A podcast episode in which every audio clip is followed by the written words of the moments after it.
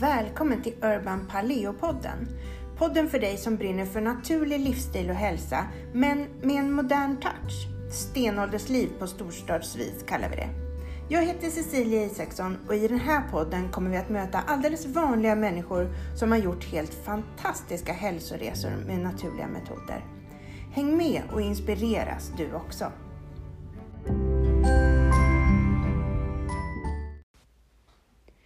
Hej och varmt välkommen till Urban Paleo-podden. Den här veckan så tänkte jag prata om ett inlägg som jag skrev på sociala medier eh, för inte så länge sedan. Det hette åtta livsregler.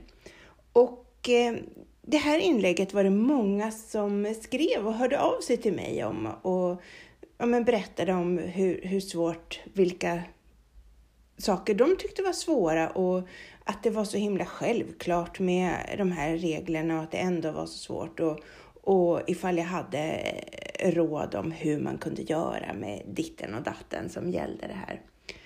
Så jag tänkte att jag skulle eh, passa på att göra ett poddavsnitt om de här åtta livsreglerna. Jag kallade inlägget för åtta livsregler för ett lyckligt och hälsosamt liv. Och att jag säger livsregler betyder ju inte förstås att det är en regel för livet för alla. Men eh, jag har märkt att det här är ganska allmängiltigt för precis alla som jag träffar. Och då har jag tänkt att ja, men det här kanske är regler som gäller alla, som man kan faktiskt applicera på varenda människa. De är ganska allmängiltiga. Ehm, och jag är fullt medveten om att det absolut inte behöver vara så. Men jag har tyckt mig att många av mina kunder eh, går omkring med samma tankemönster, med samma problem och med samma eh, saker som påverkar hälsan. Som jag får liksom då upprepa gång på gång på gång och ha ungefär samma övningar med många. Det är inte så att alla har alla de här problemen förstås, utan man kanske har något av dem eller några. Eh, några kanske har flera och någon har bara något litet enstaka. Så. Men det är saker som kommer igen och igen. Så jag tänkte att jag skulle prata lite om det här. Eh, nummer ett är slut fred med ditt förflutna så kan det inte förstöra din dag idag. Eller inte morgon heller för den delen. Och det här är ju någonting som eh, jag faktiskt tror att vi alla går omkring och dras med. Att vi har saker i vårt förflutna som vi inte riktigt kan lämna bakom oss, utan vi går och ältar dag ut och dag in. Och det är ju så att vi har eh, ett visst antal tankar som vi tänker varje dag. Och av de här tankarna så är en ohyggligt stor procent av dem är samma tankar som vi tänker om och om och om och om och om och om och om igen. Eh, så det sägs att det är ungefär 60 till 90 000 tankar per dag som vi har. Och nu kommer jag faktiskt inte ihåg vilken procent det är, men det är en oerhört hög procent som är tankar som vi redan har tänkt. Vi är alltså inte särskilt kreativa och eh, nytänkande, utan vi tänker i samma banor om och om igen hela dagarna. Och då är det ju väldigt onödigt ifall de tankarna som vi tänker om och om igen inte är hälsosamma för oss att tänka.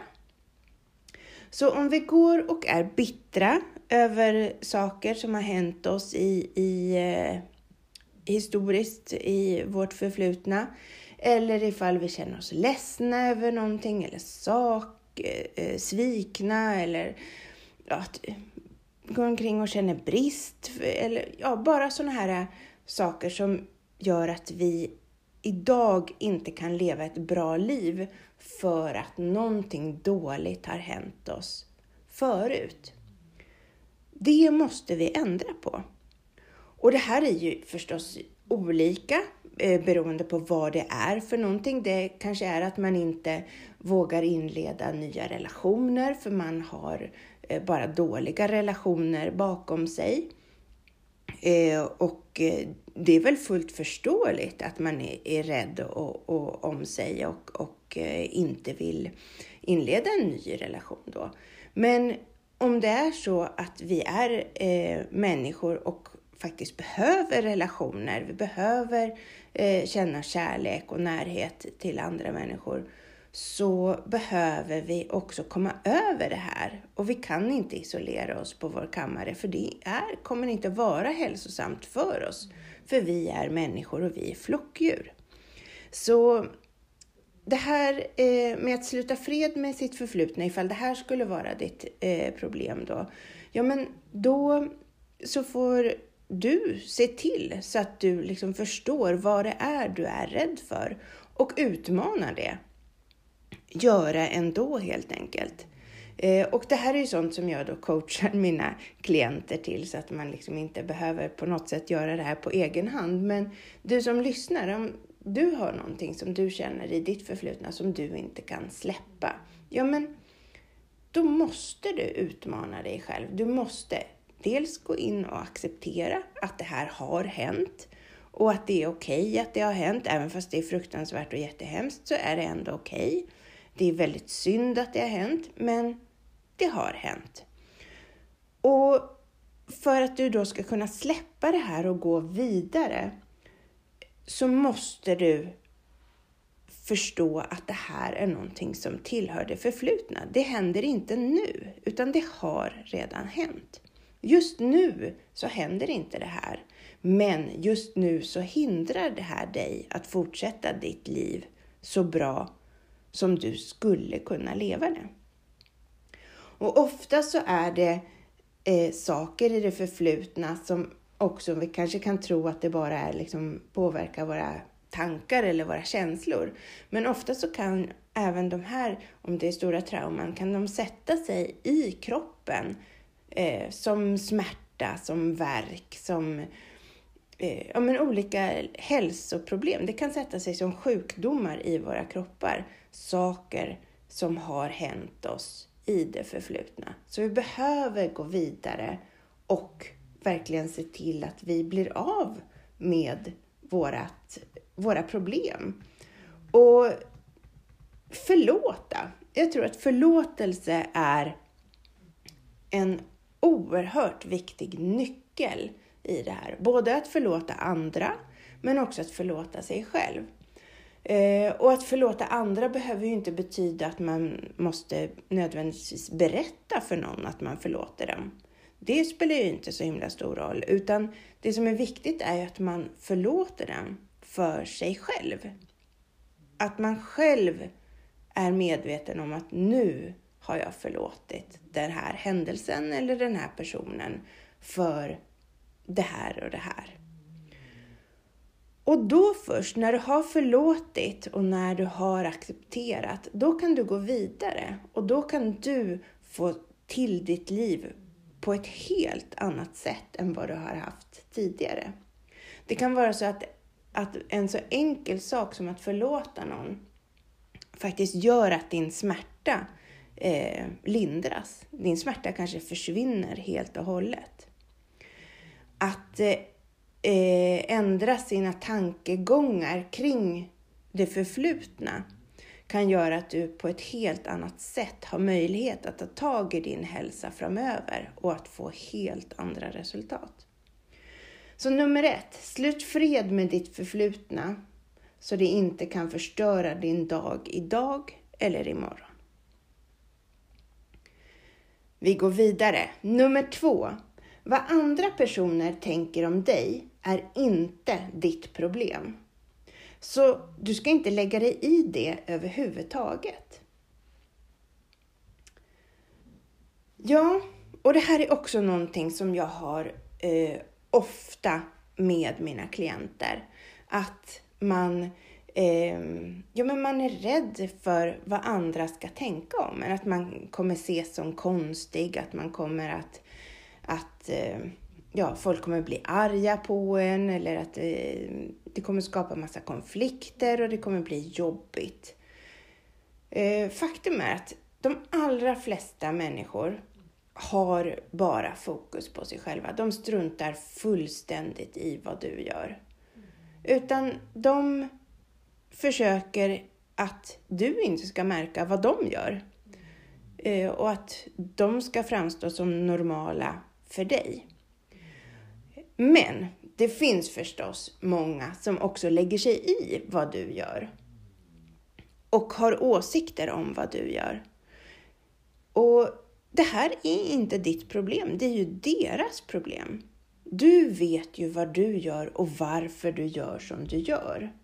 Du kan antingen välja att eh, eh, konfrontera dem och att förklara och att eh, berätta varför du gör som du gör.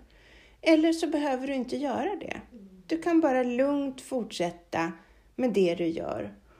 Och det kan vara väldigt provocerande för de här personerna. De kanske börjar prata eh, bakom din rygg och faktiskt säga att du är konstig eller, eller sådana saker. Men det spelar ju ingen som helst roll.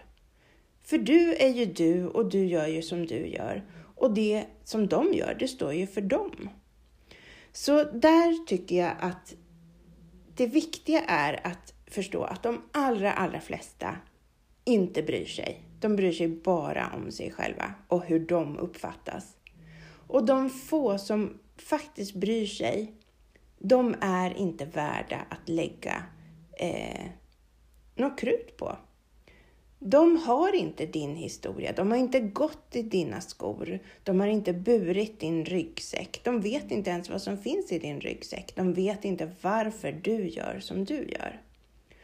Och du vet det. Och du kan och vågar stå på dig och faktiskt göra som du tycker oavsett vad andra tycker. Ofta så är det ju så när man liksom försöker att ändra sin livsstil och bli mer hälsosam, att det är de runt omkring en som, ja, som faktiskt själva kanske inte är så himla hälsosamma. Och när du blir hälsosam så blir det jobbigt för dem eftersom då framstår ju de som mindre hälsosamma och de kanske tyckte att det var rätt skönt när du inte heller var så hälsosam. Så ifall du till exempel lägger om din kost så kommer de här människorna att kanske tycka att eh, det blir jobbigt och, och ha massor med invändningar. Att inte behöver väl du det här och du som är så smal behöver ju inte eh, tänka på kosten eller ja, vad det nu kan vara för någonting. Eller ifall det är så att du vill börja träna och eh, de här personerna kanske bara vill sitta i soffan och inte alls röra på sig. Ja, men då kan det bli svårt att få med sig dem eh, på tåget. Därför att, att du tar hand om dig själv och försöker må bra bara liksom lyser upp för dem själva att de inte tar hand om sig själva. Att de borde göra så som du gör. Och det jag har märkt här, både hos mina klienter och i mitt eget liv, det är ju att när man själv tar hand om sig och när man själv eh, börjar leva annorlunda och få in nya rutiner så är det kanske till en början lite knussel och, och knak i fogarna. Men sen brukar faktiskt de allra flesta bli ganska inspirerade. När de märker att du mår bättre och att du, ja men faktiskt får ut någonting av det här, då kan det vara så att de också vill testa. Och vill de inte testa så brukar de allra flesta faktiskt bli glada för din skull. Och blir de inte det, ja men då är de kanske inte värda att ha i sitt umgänge. Så vad andra personer tänker om dig, det är inte ditt problem. Det är ingenting du ska bry dig om och det ska du liksom inte lägga dig i överhuvudtaget. Låt dem tänka det de tänker och bestäm dig för att köra ditt race på ditt sätt. Vi går vidare. Nummer tre. Tiden läker alla sår. Det behövs bara olika mycket tid beroende på sår och beroende på person. Och ja, jag menar tiden läker alla sår. Och här brukar jag alltid när jag får, det brukar ju vara liksom, det kan ju vara vad som helst som, som är de här såren. Det kan ju vara någonting litet som kanske inte alls det har så stor, som man kan tycka känns som en liten petitess. Men för den personen kan det vara en, ett jättestort problem. Eh, och det kan ju förstås vara ett stort, stort trauma som har hänt någon. Eh, och som också kan vara någonting som hos vissa läker jättesnabbt medan det hos andra tar väldigt lång tid. Och tiden har vi här. Tiden läker allt. Du kan tänka dig det allra värsta som någonsin skulle kunna hända och även det traumat kommer tiden att läka. Om du bara ger det rätt förutsättningar. För att om vi lever i det förflutna som jag sa här under punkt 1, om vi lever där hela tiden, ja men då kommer det att ta väldigt lång tid innan vi läker såren.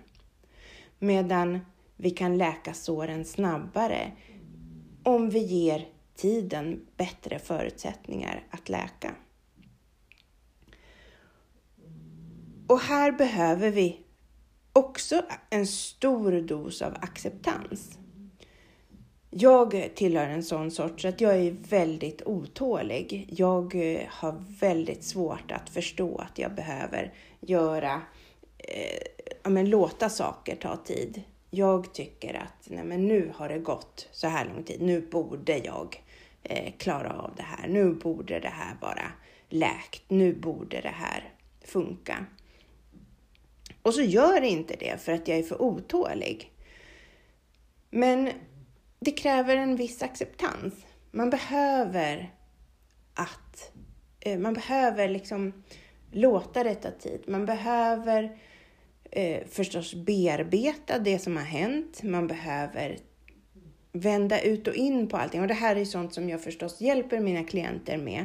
Eh, men det är också någonting som du kan göra hemma. Du kan försöka att se vad är det för sår jag har och hur kan jag hjälpa dem att läka?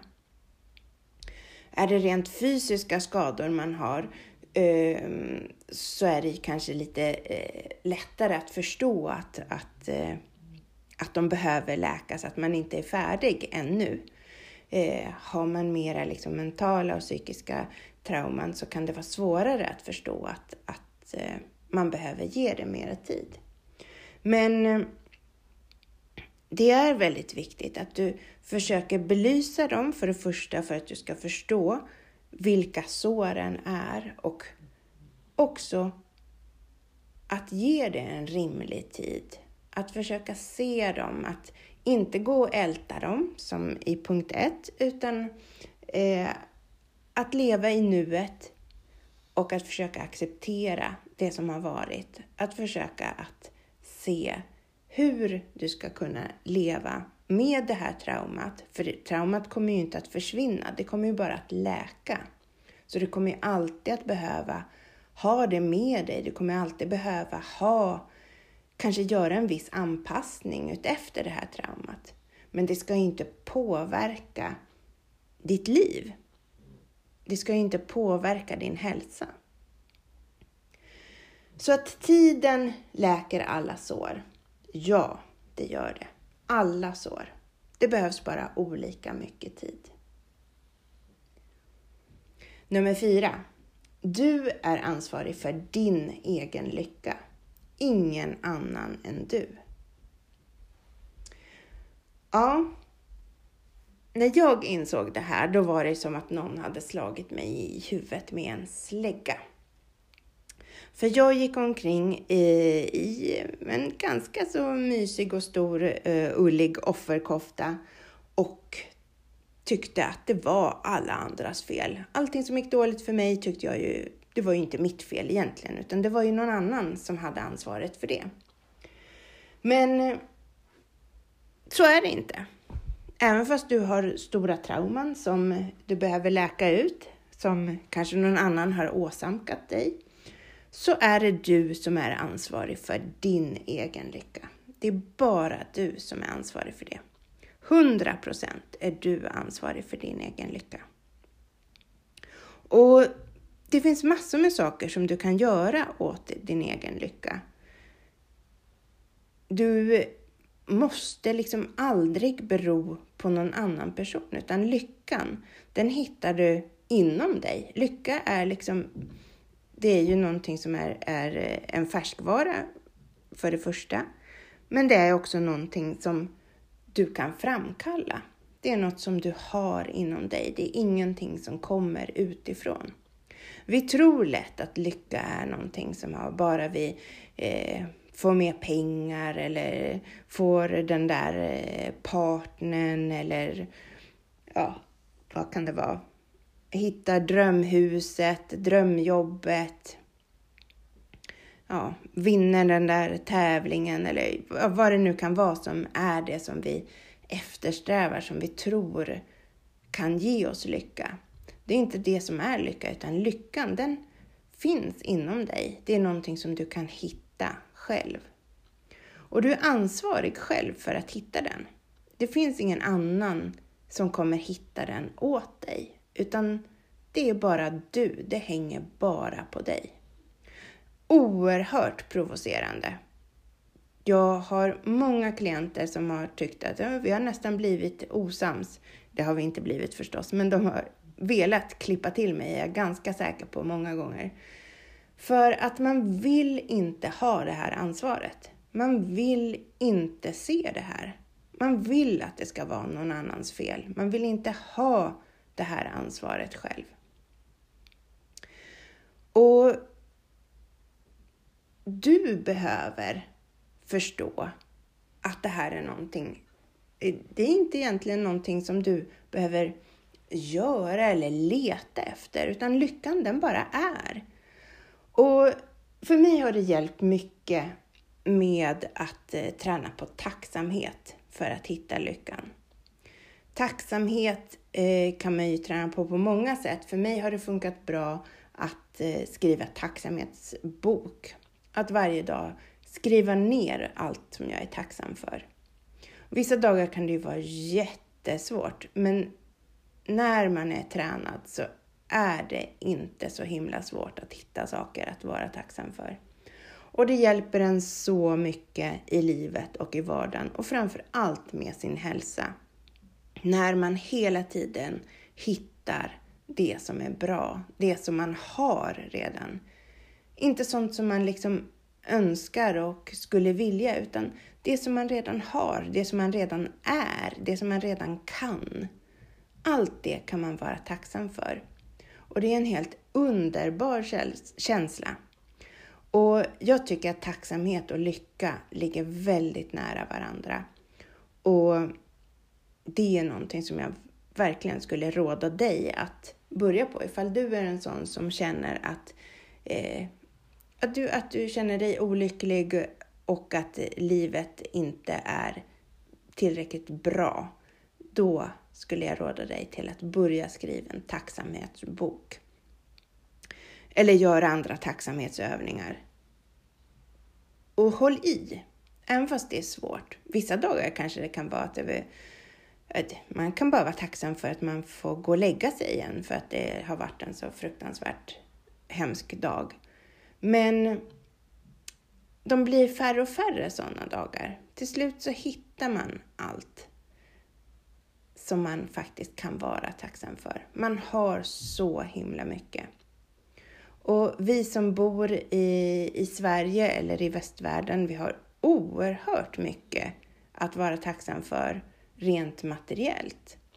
Men jag är helt säker på att de som kommer eh, från fattigare länder och lever under helt andra, kanske förhållanden som vi skulle anse vara mis misär, att de kan känna oerhört mycket mer tacksamhet än vad vi ofta kan göra här.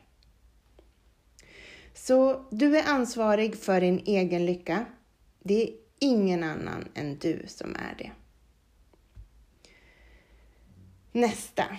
Mät inte din framgång med andras linjaler. Bara du vet hur din framgång ska mätas. Kanske är det rent av en våg eller ett litermått som behövs för att mäta din framgång. Det kanske inte ens är en linjal. Här är också någonting som jag känner är väldigt aktuellt med, hos många av mina klienter. Det är det här, ja men alla andra kan ju göra så här. Alla andra eh, har ju gått ner så här mycket i vikt. Alla andra kan ju göra den här övningen utan att få ont. Alla andra, eh, ja, och så vidare. Men deras framgång är ju inte din framgång. Du kanske har någonting helt annat som du kan göra som inte de kan göra. Och om du strävar efter ett hälsomål så tycker jag att det är viktigt att du liksom ser till dina egna förutsättningar.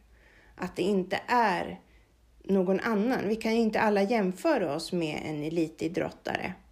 Utan vi får ju jämföra oss med oss själva och hur vi var igår eller förra veckan eller förra månaden. Hur mycket bättre vi har blivit eller hur mycket bättre vi mår nu jämfört med då. Så din framgång har ingenting att göra med alla andras framgång. Sen kan det förstås vara lättare att eh, göra en, en livsstilsförändring eller eh, att sträva mot sina mål ifall man har någon bredvid sig som också gör ungefär samma sak. Så man kan sporra och liksom peppa varandra. Men det är viktigt att komma ihåg att den personen är den och att du är du. Och jag har sagt det förut, men det är bara du som har packat din ryggsäck och som går i dina skor.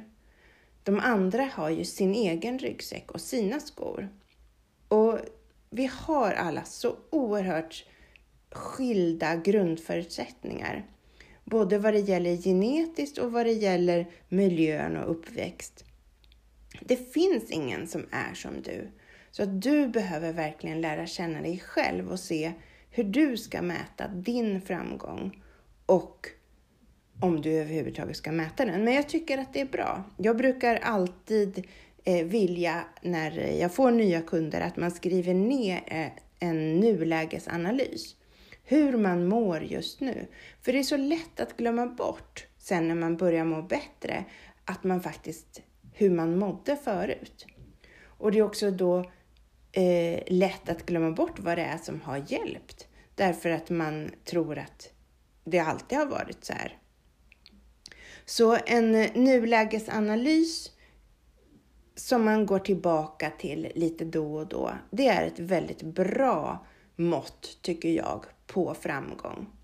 Man ser man kan skriva om den här, man tar sin nulägesanalys och så kanske man tar fram den efter en vecka och ser, jaha, hur har det blivit nu på en vecka? Sen kanske man tar fram den igen efter en månad. Ja, vad är skillnaden nu efter en månad? Kanske man gör det varje månad eller sen så kanske det blir varje år eller hur man nu väljer att mäta. Men man mäter sin egen framgång efter sig själv och vad man var. Man mäter den inte i jämförelse med någon annan. För då kommer det aldrig att bli bra.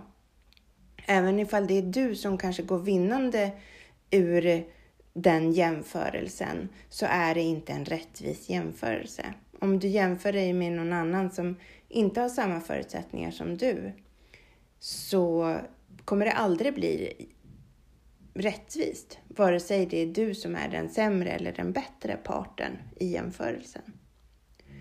Så mät inte din framgång med andras linjaler, bara du vet hur din ska mätas. Och ett tips där är att gör din nulägesanalys redan idag. Nästa punkt är nummer sex. Att övertänka komplicerar vad som helst och löser absolut ingenting. Här är också någonting som jag har mycket med mina klienter. att man vill övertänka. Man vill liksom hela tiden analysera in i minsta detalj, även fast själva analysen inte egentligen kommer någon vart, utan man kommer ju någon vart genom att göra, genom att, att förändra, genom att se, prova, testa olika saker och se vad som funkar för just mig. Det är ganska oviktigt att övertänka i de fallen. Utan det viktiga är ju att se vad som funkar. Och det här gäller ju precis vad som helst. Att liksom övertänka, att vara för perfektionist till exempel. Eh, det är också en form av, av övertänkande som gör att man kanske aldrig får någonting gjort överhuvudtaget för att man bara sitter och tänker ett varv till och ett varv till och ett varv till och, och aldrig får någonting gjort. Eh, eller att eh, övertänka som i att älta. Också väldigt kontraproduktivt att man sitter och tänker samma tankar om och om och om igen istället för att försöka komma på något nytt, att tänka utanför boxen, att försöka liksom lösa problemet. Och jag tycker att övertänka ofta är att man hittar problem på alla lösningar istället för att hitta lösningar på problemen. Så är du en övertänkare, försök att hejda dig. Det här är förstås någonting som jag också coachar mina klienter till hela tiden, hur, hur man kan göra. Men du som är där hemma, försök att ja, men kom underfund med vad är det du övertänker. Försök bli medveten om det och hejda dig där i tanken. Hejda dig. Den här tanken, den gagnar inte mig. Den behöver jag byta ut mot någonting annat. Så att övertänka komplicerar vad som helst och löser ingenting. Vi går vidare till punkt nummer sju. Välj ditt umgänge noga och håll dig borta från toxiska personer. Det här är någonting som är väldigt svårt har jag förstått. Och eh, du behöver omge dig med människor som får dig att må bra. Ibland går det inte att eh, fortsätta umgås med någon som får en att må dåligt. Man blir så påverkad av andra människor att ens hälsa faktiskt kan bli påverkad. Och ibland går det ju förstås inte att ta bort människor ur sitt liv eh, därför att det kanske är nära familj och så. Men man kan alltid begränsa hur mycket man väljer. Dels att umgås och sen också att se hur mycket man väljer att den här personen ska få eh, påverka en själv. Och jag tycker att även fast det är familj så har man rätt att välja bort ett toxiskt umgänge. Därför att man har alltid rätt att välja sin hälsa i första hand. Och att välja bort behöver ju inte betyda att man säger nu bryter jag kontakten, vi kommer aldrig mer att prata med varandra. Utan det kan ju också vara att man kanske väljer att, eh, ehm, att tacka nej till tillfällen att ses eller att man väljer att, att eh, kanske hålla sig på en annan kant än just den här eh, människan som får en att må dåligt. Men toxiska personer finns överallt. De kan finnas på arbetsplatsen, de kan finnas i vänskapskretsen, de kan finnas i familjen. Eh, ja, på kursen du går på, fri, på fritiden, precis var som helst. Och det gäller för dig att identifiera de här personerna. Det är ganska lätt därför att efter att du har träffat en toxisk person så känner du dig urlakad på energi, ledsen och nere. Och eh, om det här är så du, människor får dig att känna i din omgivning så behöver du tänka på dig själv, du behöver tänka på din egen hälsa och du behöver göra någonting åt din situation. Så välj ditt umgänge noga och håll dig borta från toxiska personer. Den sista punkten, nummer åtta. God självkänsla kan laga allt som andra har sönder. Att jobba på den är ditt prio ett. Det borde alltid vara din första och din största prioritet. Självkänsla är ju ett omdebatterat eh, kapitel. Det är ju väldigt många som inte kan skilja på självkänsla och självförtroende. Jag har åkt runt och föreläst åt en förening som heter Frisk och Fri som handlar om ätstörningar och det handlar om precis självkänsla. Och det är någonting som vi måste lära oss redan från barnsben. Att förstå att vi duger precis som vi är. Det är någonting som väldigt många människor inte förstår och inte vet om. Men när du vet om det här, när du har jobbat på din självkänsla, när du förstår att ja, men jag är helt okej okay, precis som jag är, med alla mina fel och skavanker, så duger jag precis som jag är ändå och jag är en fantastisk människa och har precis samma rätt som alla andra till att leva ett bra liv. När man väl förstår det här så kan man börja laga sig själv. Man kan börja laga dels som kanske toxiska personer har förstört eh, för en. Man kan börja laga även sånt som händelser och eh, trauman från eh, his i historien, det som har hänt en själv. Det kan man också börja laga med en god självkänsla. Så att jobba på sin självkänsla, det tycker jag är verkligen A och O och någonting som du borde göra aktivt. Det är också en färskvara.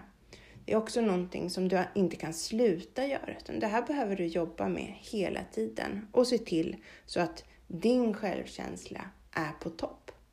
Ditt självförtroende kan du förstås också gärna jobba på, men det är inte alls det lika viktigt som din självkänsla.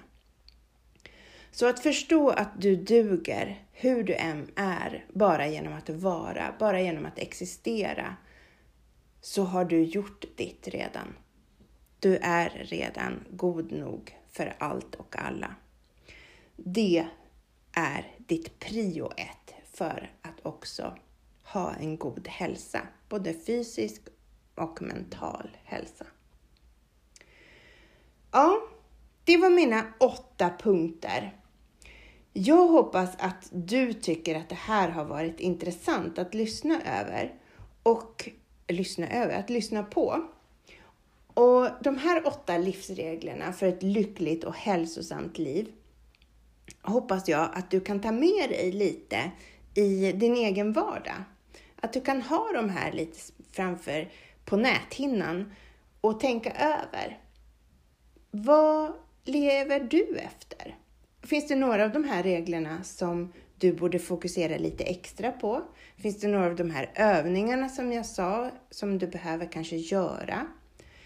Eller hur ser det ut i ditt liv?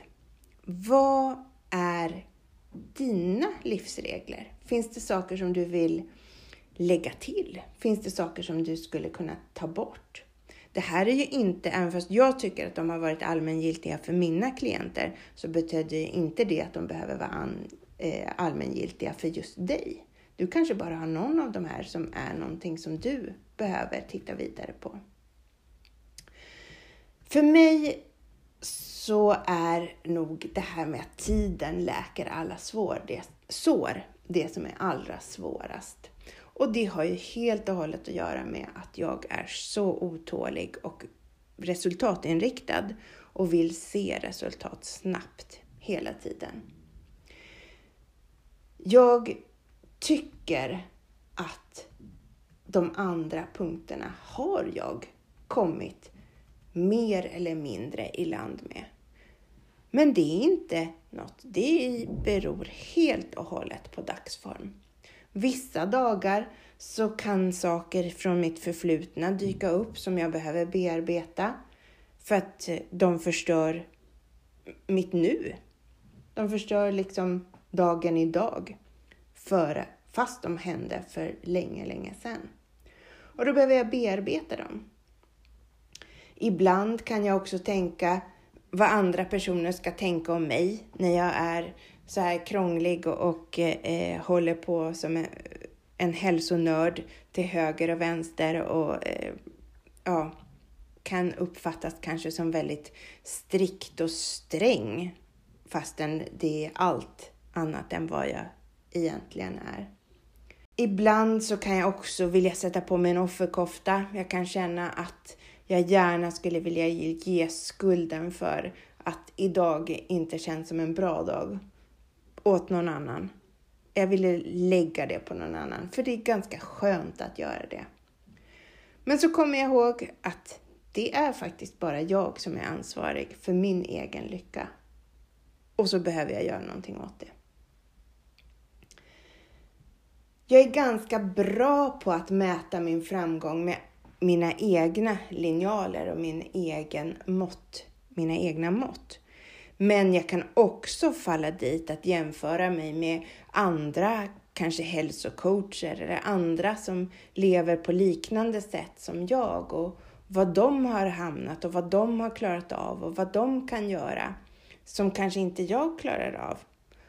Eh, och därmed också klanka ner på mig själv och tycka att jag inte har nått någon framgång. Medans om jag jämför med mig själv och vad jag var när jag började min hälsoresa så har jag ju åkt miljarder varv runt jorden och solen och eh, runt hela universum i jämförelse.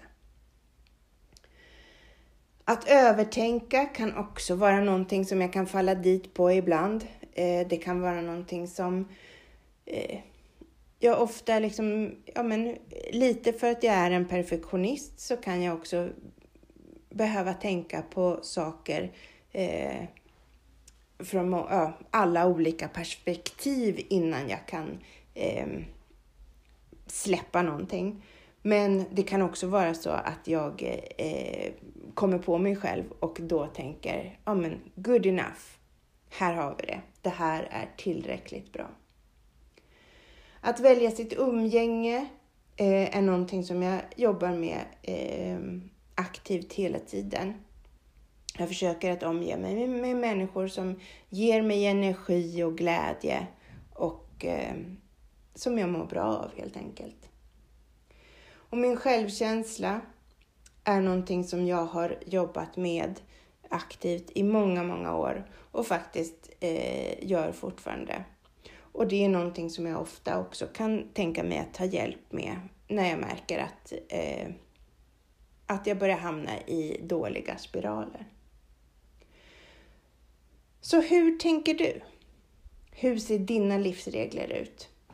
Och är det någonting här som du kan tänka dig att ta med dig på din egen hälsoresa?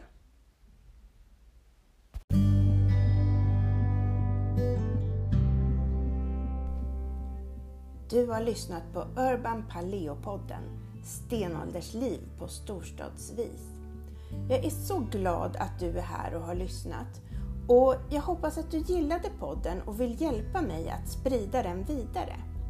Du kan göra på flera olika sätt så att flera får upp ögonen för min podd. Till exempel så kan du lämna en review eller du kan ratea den och ge den fem stjärnor om du tycker att den var värd det. Eller du kan ta en skärmdump på det här avsnittet och dela på dina sociala medier. Tagga gärna mig då. Det heter Urban Paleo C på Instagram och Urban Paleo Center på Facebook. Men än en gång, tack för att du lyssnar och tack för att du hjälper mig att sprida Urban Paleo-podden vidare.